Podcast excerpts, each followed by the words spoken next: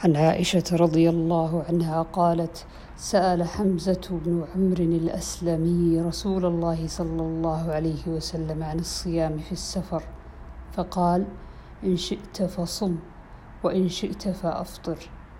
وروى مسلم عنه قال يا رسول الله أجد بي قوة على الصيام في السفر فهل علي جناح؟